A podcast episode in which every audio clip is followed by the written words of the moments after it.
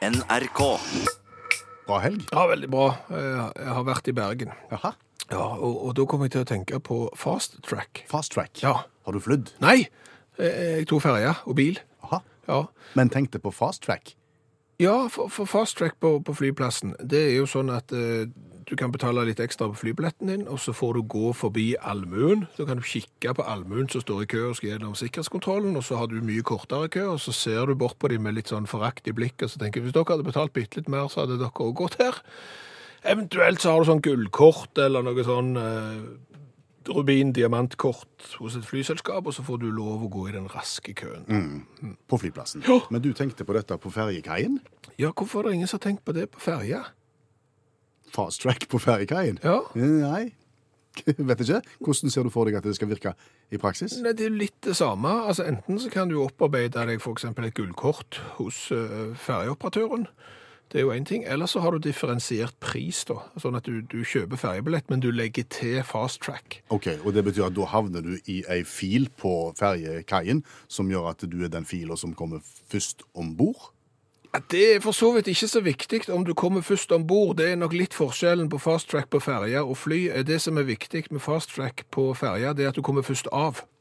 Det er veldig viktig å komme først på, òg, at ikke du må vente over ei ferje. Å å ja, sånn ja. Ja. Oh, ja, selvfølgelig. Du er garantert plass. Det er litt som gullkort, og da, går du, da får du plass uansett. Og så får noen andre som ikke har betalt så mye, de får gå av. Så, så du er garantert plass, men du får lov å kjøre først av. Det vil si at du står på øverste bildekk. Du skal ikke ned i kjelleren. og nei, langt ifra. Du skal ikke stå bak trailerne. De skal stå og vente til du har kjørt av. Du skal ikke havne bak den luka til kjelleren, selv om du står på øverste dekk, så gjør at du heller ikke kommer først av. Du er da garantert å komme først av. Og jeg tror at det kan være et marked her. For det er jo noen da, som på død og liv skal gjøre alt de kan for å komme først av. Og med en gang det liksom tendenser til at de kan snirkle seg fram på ferjedekket, så er de jo som galne. Så hvis de ikke kommer først av, hvis de ligger da bak en trailer eller noe annet saktegående, så skal de jo kjøre forbi og som om liv og Ja. Og ja, Så det er trafikksikkerhet også i, i fast track i ferjekøen, tenker du? Ja, og tenk deg da eksempel en eller annen med en sånn Volvo XC90 til 4,5 million kroner. De koster jo ikke det, men en dyre bil da, sant? På, på helgeutfart, og så da skal på, på Hotten, eksempel på, på Hovden, eh, på fredag med, med oval helg eller et eller annet, og så er det kø, og, og de betaler for det, de, vet du. Rett inn. Ja, og det er klart når noen betaler mer for en billett, så kan det jo hende at vi andre som har litt bedre tid, vi kunne betalt mindre. Ser vi for oss andre områder også nå, Ja. i tillegg til ferjekøen, hvor en kunne brukt fast track? Ja, i butikk. Kolonialen? Ja, ja. Jaha. Ja, altså Store kjøpesenter, store sånne supermarkeder, eh, der har du ofte så blir det lange kø. Noen har jo fulgt opp handlekorga som om det ikke var en dag i morgen. Eksempel igjen med langhelg, altså pinse eller et eller annet. Eh, Og da eh, kunne du hatt en kasse som var fast track. Eh, Der fikk du eksempel pakka varene dine òg. Stå en og pakke for deg, og så er det mye mindre folk der. Og så kunne du sagt at OK, det er 3% påslag på, på kassalappen på sluttsummen for å, å gå her i, i fast tracken. Spennende tanker. Ja, men, men kanskje den beste? Altså Bortsett fra ferja. Ferja står jeg inne på 100 fast track på ferja. Trafikksikkerhet og eh, penger inn i kassen. Så det, det passer. Men på 17. mai Hvor henne på 17. mai? overalt. Skolegård? Ja, overalt. Pølsekø? Egentlig alt, ja. Iskø? Ja, Pølser og iskø. Egentlig alt på 17. mai. Ja. For da står du der, og så skal du ha deg en is, et kakestykke, og der er så lang kø. Hvis du da hadde satt opp en fast track, så kunne du gått der, og så må du betale dobbelt så mye for pølsa eller isen. Og Det hadde jo folk gjort for å slippe å stå i kø. Og hvem er det som tjener på det? Hvem er det som selger til inntekt for seg sjøl på 17. mai? Det er skolekorpset. Ja!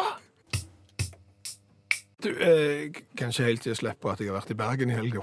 Det har gjort inntrykk. Ja, full av opplevelser. Ja. Jeg har fått, fått lov til å dra med ferja. Ja. ja. Nei, jeg kjørte forbi en plass etter Nese. Jaha. Ja. Det er flere steder i Norge som heter Nese. Ja, og, og så kom jeg på at jeg kjenner jo folk som heter Nese. Det gjør du også. Ja, Og så kjenner jeg faktisk folk også som heter Hals. Ja. Og da begynte jeg å tenke, og det kan du jo si kanskje er bitte litt barnslig, men hvis da for eksempel Nese gifter seg med Hals, Ja, så heter du Nese-Hals. du gjør det. Ja. Eh, og det er jo ofte sånn at eh, ungene tar begge etternavnet til foreldrene. Så da har du gjerne Kari Nesehals, for eksempel. eh, hvis da Kari Nesehals Ja, jeg vet hva som kommer nå. Gift, gifte seg med Øre. øre. Ja, Ja. Fins øre som etternavn, tenkte jeg. det tror jeg faktisk. Med H. Med hø, ja, men det er ikke så gøy. Men det er, okay, det, er- det er litt gøy, det òg. Men, men det mest gøye hadde jo vært hvis det var noe som het øre. eh, og, og dermed da gifte seg med nesehals, Ja. sånn at avkommet ble hetende øre-nese-hals. Ja, det er gøy. Det er kjempegøy. Det er det. Ja, det er litt gøy. Ja. Ja, Iallfall hvis du jobber på sykehuset. Hvis du jobber på sykehuset. Ja, eksempel hvis at du jobber da i, i, i geriatrisk poliklinikk. Okay. Og, og telefonen ringer, så sier du geriatrisk poliklinikk, du snakker med øre, nese, hals. Da blir det kaos. Øre-nese-hals, blodbanken. Hæ? Jeg kom til øre-nese-hals eller blodbanken? Ja, du har kommet til øre-nese-hals på blod, blodbanken. Det er veldig barnslig. Ja, det er, vel- jeg er helt enig. Det er 100 kjempebarnslig. Men, men det fikk oss litt til å tenke på OK, hals fins som navn. Nese. Øre med H har du sagt. Kanskje øre fins uten H òg. Ja. Øye fins. Øye fins, ja. Ja, ja. Hva, kroppsdeler fins der egentlig som navn? Mange, mange, mange, tror jeg. For vi har oppretta et lite dokument i Facebook-gruppa vår, Ja. Utakt, Ja. og, og bedt om navn som er oppkalt, kan du si, i hermetegn, etter kroppsdeler. Mm. Og det har kommet mange gode eksempler. Kanskje du skal gå inn og så hive deg på og se om du finner på en som vi ikke har fra før. Ja, og, og tenk deg da at de som da fikk eh, Altså når øret gifta seg med nesehals, mm eh, og så fikk de da en gutt som de valgte å kalle for Aksel. Ja. Så får du Aksel øre, nese, hals. Du får mange kroppsdeler i ett navn, da. Er Interessant. Eh, vi skal gjøre det som vi vanligvis gjør på denne tida i radioprogrammet Utakt på mandagene. Vi skal ta for oss en klassiker, men vi skal gjøre det, en, en litterær klassiker, men vi skal gjøre det i løpet av fire minutter. Og I dag så skal vi ta for oss den som heter Gullivers reiser. Og Det er, sånn, det er et verk, ei bok, så du bare føler at den har jeg jo lest. Men, Ja. det, men det har du ikke. Nei, du har ikke det. Du har gjerne sett x antall filmer, og så har du levd i denne ullfarelsen at det er sånn en barnebok, og, og det er sikkert bare nesten en tegneserie, og så er det ikke det. Nei, det er ikke det. Bare hør på Janne Stigen Drangsholt, som er forfatter og litteraturviter.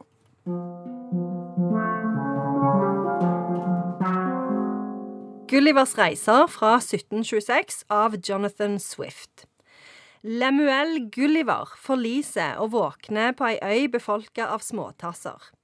Etter det treffer han på noen kjipe kjemper, samt en del andre underlige vesener. Til slutt drar han hjem. Til Kongeparken. Ja, Han fikk ikke bo der. Nå er han jo vekke. Nå er jeg vet ikke hvor han er. Ja, altså Kongeparken var jo da pryda Kongeparken i Rogaland var pryda av en gigantisk Gulliver-figur i veldig mange år. Mm, med lekestativ eh, inni, men folk var ikke interessert i å leke inni Gulliver. Eh, Men det er kanskje sånn at folk heller ikke er interessert i å lese om Gulliver. Nei, Det som er eh, med den boka, er jo at det er egentlig ikke en roman, det er egentlig en sånn satire. Eh, og på ett vis er det satire av sånn reisebøker, eh, folk liksom, hvor folk forklarer om andre kulturer og sånne ting. Men det er òg en sånn satire på alt han kommer på underveis. Så den, han sparker liksom i alle slags ulike retninger. Så det blir, det blir veldig mye. Men satire av reisebøker på 1700-tallet, det betyr at det allerede har vært en del reisebøker på 1700-tallet? Ja, de var veldig opptatt av det. Eh, og liksom, det, hans fremste satiriske grep er å snakke veldig mye om avføring. Eh, så det syns han liksom. Nå lagde jeg en lyd som ikke passet til det, kjente jeg. Det var ikke meninga. Men Tiss- og bæsjhumor. Ja, litt sånn mm, eh, hvordan han gjør når han skal gjøre sitt fornødne og sånn. Det var tydeligvis eh, veldig sånn hardtslående satire mot reiselitteraturen. For det var sikkert sånn at de forklarte hvordan de klarte seg i naturen og all slags sånne ting. Da. Ja. Altså satire betyr eh, Ordet satire betyr å, å sparke i alle retninger, og det er det han gjør. Han liksom tar for seg alt som han syns var problematisk med samfunnet, fra disse her reisehåndbøkene til liksom hvordan eh, samfunnet var strukturert, og fattigdom og all slags sånne ting. Så det er liksom alt. Er de småtassene et eh, bilde på noe? Ja, De småtassene er på en måte bilde på noe positivt, da. Altså Det er Gulliver sjøl som på en måte eh, ikke er obs på sin egen framferd nok. sant? For at de er jo så små, så han ødelegger jo ting. For han er ikke Altså kroppen hans er altfor stor for dette her lille, pyntelige samfunnet. Men jeg som har levd i en villfarelse av at Gullivers reiser er ei barnebok, jeg tar jo da riv ruskende galt. Ja, det er helt feil. Men det er jo, eh, det er jo ting som egner seg veldig godt eh, å, å liksom presentere for barn, da. For det er jo veldig gøy med dette her med disse veldig små, og, og han som er veldig stor. Og så kommer han jo òg til et land hvor det er kjemper, og hvor han blir veldig liten. Eh, og da er det veldig sånn inngående beskrivelser av For de har jo lus. Nei, lus, faktisk. Og lus, ja. ja, Mm, da går han over på lus. Fordi kjempene har en del lus, og de er jo veldig sånn gufne, for de ble jo kjempestore. Har de skjeggkre òg? Ja, det er- regner jeg med at det er sikkert egentlig òg faktisk var et problem på 1700-tallet, bare vi vet ikke. Nei. Er det et berømt sitat fra Gullivers reiser? Ja, det er dette. Det er faktisk Eller det som jeg tok istedenfor et sitat, det er det som regnes som tekstens grunnsetning, da. Og det er en tekst, eller det er en setning på latin. Så dette blir litt spennende. Det håper jeg du oversetter etterpå. Ja, det har jeg tenkt å gjøre. Caelum nori animum mutant qui transmare curunt. Bare si det på Jeg er ikke så stødig på Latin er jo et dødsspråk. Dette har vi snakket om før. Eh, uansett hvor du drar, så er du alltid belemra med deg sjøl. Ja, det er jo for så vidt godt Ja, sagt. det syns jeg òg er ganske godt sagt. Så det er på en måte det som er grunnsetningen. i- Altså, Gulliver kan dra til mange rare steder, men han må alltid ha med seg sjøl. Slipper aldri unna seg sjøl, kan du gjerne si. Og med den brannfakkelen så vil jeg gjerne be deg oppsummere Gullivers reiser. Det du tror er ei barnebok fordi at du har sett x antall filmer om Gullivers reiser, viser seg faktisk å være eh, en eh, satirisk bok om reisehåndbøker. Den så jeg ikke komme. Nei. Og litt bæsj. Er mye bæsj, faktisk. Og litt lus. Og kanskje litt skjeggkre. Var det greit? Ja, jeg syns det var kjempefint. Tusen takk, Janne Stigen Drangsholt, forfatter og litteraturviter. Gullivers reiser, Jonathan Swift, er det vi har tatt for oss i spalten i dag, ved Janne Stigen Drangsholt. Det hender vi får spørsmål fra deg som hører på utakt. Av og til kan vi svare på det du spør om. Veldig ofte kan vi ikke. Men vi er ganske gode til å løfte opp eh, problemet, sånn at vi kan få hjelp av andre. Ja, eh, for Atle S. eh, han skriver følgende. Har dere forresten lurt på hvorfor skummet fra rød eller grønn hånds håndsåpe er hvit? Det er jo noe en i utgangspunktet ikke har tenkt på, men hvis en begynner å tenke litt på det, så er det jo sant. Du har gjerne rød eller grønn eller oransje eller lilla, alt dette som håndsåpe på vasken. Ja. Og så trykker du ut en, et par sånne sprut, og så skummer det godt, og så blir det kvitt. Ja, det samme. Så skal du vaske opp, og så er det enten Zalo eller Sunlight eller noen andre oppvaskmidler. De har jo da eh, en, en annen farge enn hvit, men skummet hvitt. Mm. Hvor blir det av fargen? Nei, Hvor blir det av fargen? Ja. og hvis du tenker deg skikkelig godt tilbake når du opererte med familiesjampo med egg, eksempel. ja, på to og en halv liters kartong med håndtak. Sjampoen var så stor og tung at når du kom fram til fotballtrening, så var du sliten før du hadde begynt å trene. Og det var ikke vits i å nesten dusje på trening, for du visste at du skulle ha med deg to og en halv liter familiesjampo med egg hjem igjen i bagen. Så du sleit deg jo helt ut. Men den, ja, den hadde farge. Den hadde farge. Den kunne være gul, den kunne være lilla, den kunne være grønn. Skummet hvitt. Ja, ja. Om, om jeg er på litt av samme problematikken som eh, når hvite snø smelter, så blir vannet blankt. Og at det hvite forsvinner når, du, når, når snøen, ja. Nei, altså, jeg vet ikke, det er kanskje skum i sin eh, Ytterste konsekvens. Merker du hvor utrolig tynn is vi er på nå? Ja, syltynt. Helt- Men jeg tenkte kanskje at det var en biologilærer Ja. som nå har matpausen sin akkurat nå, eksempel. Biologilærer, er det de som greier på skum? De, kan... Altså for å si det sånn, Om du var på tynn is, så var det ingen som treng, trodde at du nå nærmte deg Over. eh, sikkert land Nei, okay. når du begynte med Ja, da, biologilærere. da, da, sier vi en naturfagslærer. Det kan du si. Som nå sitter med, med, med matpakken sin sirlig bretta ut Ja. Mm. og hører på det vi sier, og som har svaret. Da hadde det vært greit å fått uh, oppklart Ja. hvorfor skummet blir kvitt når såpa er rød og gul. Send en SMS til 1987, start meldingen med utakt, eh, så skal vi bringe det videre til de millioner av nordmenn som sitter verden over og ikke klarer å befri seg fra tanken om farga såpe med hvitt skum.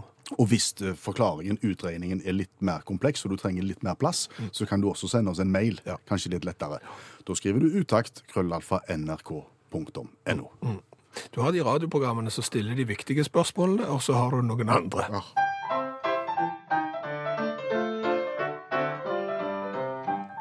Du hører radioprogrammet Utakt, og nå gjør vi klar for dagens revyvise. Ja, det er jo der vi synger om eh, en nyhetssak eh, som har skjedd. Eh, jeg har fått et tips fra Rune Sandvik om jeg kunne lage en revyvise på denne nyhetssaken. Og det er bare å beklage at den er ikke dagsfersk. Nei. Den er litt gammel. Den er fra Den er fra 10. september.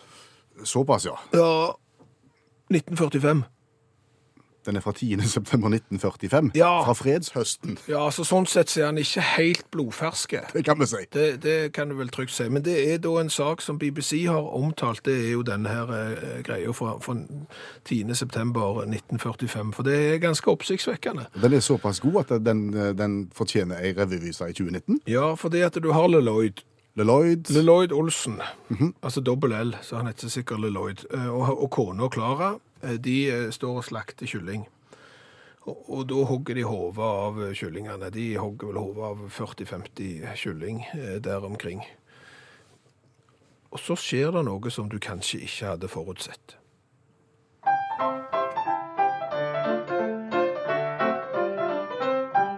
Høna Mike fikk verdensryd da den tidlig morgengry mistet hodet da Lloyd han tok fram øksa. For hønepøne var ei rapphøne som ikke ville dø, og virret hodeløs omkring i dag og måneder. En hodejeger han fikk nuss i det obskøne. Penger strømmet inn, det her var en gullhøne. Og hoderisting møtte Mike når han dro rundt på sin turné, men uten hode var det vanskelig å se. Høna som levde videre uten hode. Ja, altså Det er ikke uvanlig, sier forskere, at ei høne kan overleve 15 minutter uten hode. Eh, Da, da kan han springe rundt på ren refleks i et kvarter. Men, men Mike her, han er, det er, en- det er, han er, er en steier. ja, det er en helt annen høne. Eh, Fordi at eh, han sprang jo litt rundt og sånn, Ja. og så ga han seg ikke. Så, så eieren, da, LeLoid, Ja. han plasserte da, så klart Når du ikke har hode, så ser du litt seint. Så han plasserte da Mike oppi en, en kasse, og så kom han ut dagen etterpå. Og der var Mike i vigør ennå. Han hadde ikke tenkt å legge seg ned, han, selv om han ikke hadde hode. Eh, Så den- levde og den levde og den levde, og, og til slutt så var det jo noen som fikk nuss i at her i Colorado så springer det rundt eh, ei høne uten hode. Og, og da begynte jo sirkuset, bokstavelig talt. Eh, Så da ble de jo invitert rundt og, og dro på turné og skulle, skulle vise fram Mike, den, den hodeløse høna. Men, men hvordan er det praktisk mulig å leve som høna uten hode? Du får jo ikke mat i dem, f.eks. Nei, det er jo to problemer her. Det ene, det ene er jo at du strengt tatt liksom ikke har hode og hjerne, og at du ikke får mat. Men, men det har visstnok da, ifølge forskere, så ligger store deler av hjernen til høna såpass langt ned og bak at når da Lloyd har hogd hodet av Mike, så har han gjerne bare fjerna 20% av hjernen. Så selv om man har fjerna øyne og nebb, og den slags, så er det omtrent gjerne 80 hjerne igjen baki der. Ja. Og, og dermed så har det vært nok til å holde liv i, i Mike. Det som forskerne er mest forundra over, det er for normalt sett så blør du i hjel. Ja. Men, men det gjorde ikke Mike da. Så det har koagulert, og så, så har Mike gått rundt. Og så var det dette med maten. Ja, du har jo ikke nebb. Nei. Så det er klart, da har du òg en utfordring. Og heller så har du ikke øyne, så du kan jo ikke se. Nei. Så, så eieren Lloyd, han mata da Mike med, med flytende mat. Og bare rett og slett med sånn pipett. Er det det det heter?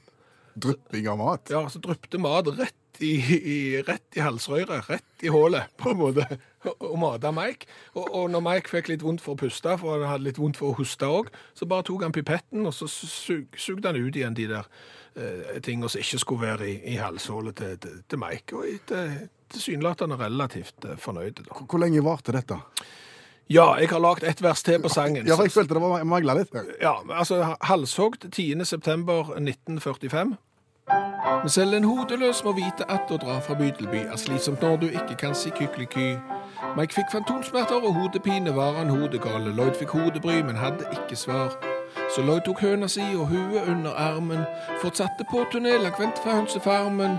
Men i 1947 så var det snipp og snapp og snute, Mike nådde hodebunnen på sin hodepute. Det tok slutt. Ja, det var mye, var mye tunge ho hodeord der. Hodeløst og hodepute og, og i det hele tatt. Men altså, eh, halshogd september 1945, våren 1947. Da var de på turné i Phoenix, Arizona. De holdt på i nesten to år, da. Eh, Ja, nesten 18 måneder uten hode. Eh, og så er de på hotellrommet der, og Mike er sikkert i storslag, han har litt problemer med å si ifra, for han kan ikke kakle. men, men så får han da pustebesvær. Ja. Eh, og så viser det seg da at Lloyd han har glemt pipetten. Oi, hjemme? Nei, på, på eh, sirkus eller på framvisningsplassen. Så han får ikke tatt ut eh, drevja, eller re- resten av ting i halshålet til, til stakkars Mike. Så han, han ble rett og slett kvelt, Oh. og, og dør da våren 1947. Og det er jo litt ironisk at eh, den hodeløse høna Mike Hvorfor heter han hodeløs høne Mike? Dør i Phoenix i Arizona. Phoenix, som jo er fugl Phoenix som reiser seg fra asken, men istedenfor så ble det på en måte endeliktet til Mike. Ha, Ironisk, Ja. men det er sterkt. Vi starter dette programmet med å snakke om eh, navn som kanskje, i hermetegn, har sitt opphav i kroppsdeler. Ja, fordi at vi kjenner folk som heter nese, eksempel. eh, Og vi kjenner folk som heter hals. Jeg lurte på om det var noen som heter øre, for det er klart du kunne jo fått eh, noen som heter øre som gifter seg med nesehals. Øre-nesehals, det hadde vært gøy. Og så spurte vi da kanskje finnes det flere der ute som har tilsvarende navn, og det gjør det, for Ja. å si det mildt. Skal vi ta og gå gjennom noen av den voldsomme Facebook-tråden som har oppstått i gruppa vår? Ja, for av eh, kroppsdeler som kan benyttes som navn, så forteller Kari om bekken. Ja, det fins. Ja, og det, det, det funker jo også sånn ellers, for klart i gamle dager når du spurte gjerne for eksempel var tørt, så Ja. kunne du spørre, gidder du gå over bekken etter vann? Ja, Fiffig. Toril, Ja, nakken fins. ja nakken finnes, ja. Ja, ja, ja. Ingrid, langballe. Ja, Den fins også. ja og balle Ja. fins. finnes. Eh, kroppsdel, hvis du ser litt eh, stort, eventuelt smått på det. Gro eh, forteller om en som heter Kne, der som eh, hun bor. Kan det være Kåre Kne? Kåre Kne er fint. Jan kan fortelle det, at han har jobbet sammen med en lege som heter Kjeve. Og han var ikke tannlege. Ja, Visstnok lege, så det går jo som kroppsdel. Kari eh, presiserer at det er jo folk som heter Bryn. Ja, Det vet vi. Doktor Rygg forteller Reinert om. Ja, og Bjørn han har to forslag. Aksel, det er jo på en måte skulder. Eh, eventuelt professor Drøvel. Ja, Den er nok litt tynnere, men for all del. Anne-Marit. Uh, Munn er jo et etternavn. Mm -hmm. uh, tannlege Tunge var det mulig å gå til i Stavanger i, før i tida, sier Cecilie. Brøstet. Ja, Kanskje det er trykk på brøstet, hva vet jeg, men altså brøstet. Ja, Toril Marie som forteller om det. Iris er jo et eh, jentenavn. Fornavn, ja. Du kan jo da hete Iris og så Øye til etternavn. Ja, det er stilig. Ja. Aha. Kari har jo påpekt at det selvfølgelig så er det noen som heter Hove. Det burde vi jo visst. ja, det burde vi visst. Mm. På Voss var det en som visstnok het Nyre til etternavn, og i tillegg het Halle til fornavn. Halle Nyre. Ja. Det er så vidt det sviver, da. Ja, Men Sveinar personlig kjenner både lilleøre, nese og hals. Det er godt gjort. det er veldig bra. Ja. Eh, skal vi ta de to litt sånn vovete og litt De er ikke spesielt Nei, de er ikke spesielt vovete, og strengt tatt så er iallfall ikke denne her en kroppsdel heller. Men Gunvor eh, påpeker at noen heter mensen som midtnavn. Det er i gråsonen av det vi er på jakt etter her. Ja. Mens Marit for 50 år siden møtte ei dame som heter Dinglebarm. Ja! Og barm fins jo barmen. Barm og barmen fins som etternavn, ja. Dinglebarm, da, da er du kanskje utstyrt litt annerledes og, og måtte bytte. Det vet jeg ingenting om. Men dette var bare noen. Hvis du går inn i gruppa vår, så vil du se alle forslagene til navn som har sitt opphav, kanskje i en kroppsdel. Hva har vi lært i dag? Vi har annet lært i dag at fast track, det å betale seg for å komme fortere frem i en kø, er mye brukt i, i flybransjen, men ikke fullt så mye brukt i andre bransjer.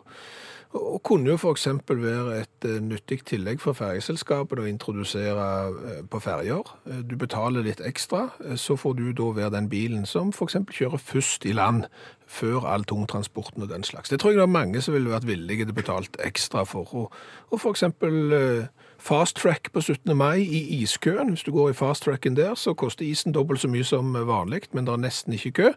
Og de som selger isene blir idrettslagene, de tjener mye mer penger. Og det er voldsom eh, betalingsvillighet på sånne dager. Ja, det er jo det. Ja. Så har vi jo lært det, og, dette visste vi ikke på forhånd, at Gullivers reiser, boka, er ikke en barnebok. Du, du assosierer fort den med en barnebok. Ja, det viser seg å være en satire på 1700-tallets reisebøker, ispedd litt promp og bæsj. Ja, Det har vi lært av Janne Stigen Drangsholt. Og hvis du har lyst til å høre mer om det, så laster du ned podkasten 'Kjente bøker på fire minutter'. Der ligger den og alle de andre. Så har vi lært at eh, fjærkre, f.eks. for eksempel mm. kyllinger, de har litt si i hjerne. Ja, de... ja, altså Mike, som er enten er høna høne eller en hane etter hvert, Ja, det er vel kanskje en hanekylling. Mm. siden han heter Mike, Ja. fikk kapt av store deler av hodet sitt, men overlevde i nesten to år 19, fra 1945 til 47. Ja, selv om nebbet røyk, og, og øynene røyk, og hodet egentlig røyk, så er 80% av hjernen så side eh, på, på høns og fjærkre at han hadde på en måte hjernekapasitet nok til å gå og, og klare seg. Så spurte vi hvorfor er såpeskummet hvitt, eh, selv om såpa gjerne er grønn, lilla eller andre feiende flotte farger? Har vi fått svar? Vi har det. Eh, Altså, skummet er egentlig bare luftfylte bobler med en tynn væskehinne rundt. Og når vi ser det som hvitt, så skyldes det lysets brytning. Altså sollyset treffer boblehinna og blir kastet tilbake igjen, og derfor så ser skummet hvitt ut, sier Kristian. Vi har fått flere også som sier akkurat det samme. Så det er, ikke, Optisk illustrasjon, altså. det er en optisk illustrasjon, ja. Hør flere podkaster på nrk.no podkast.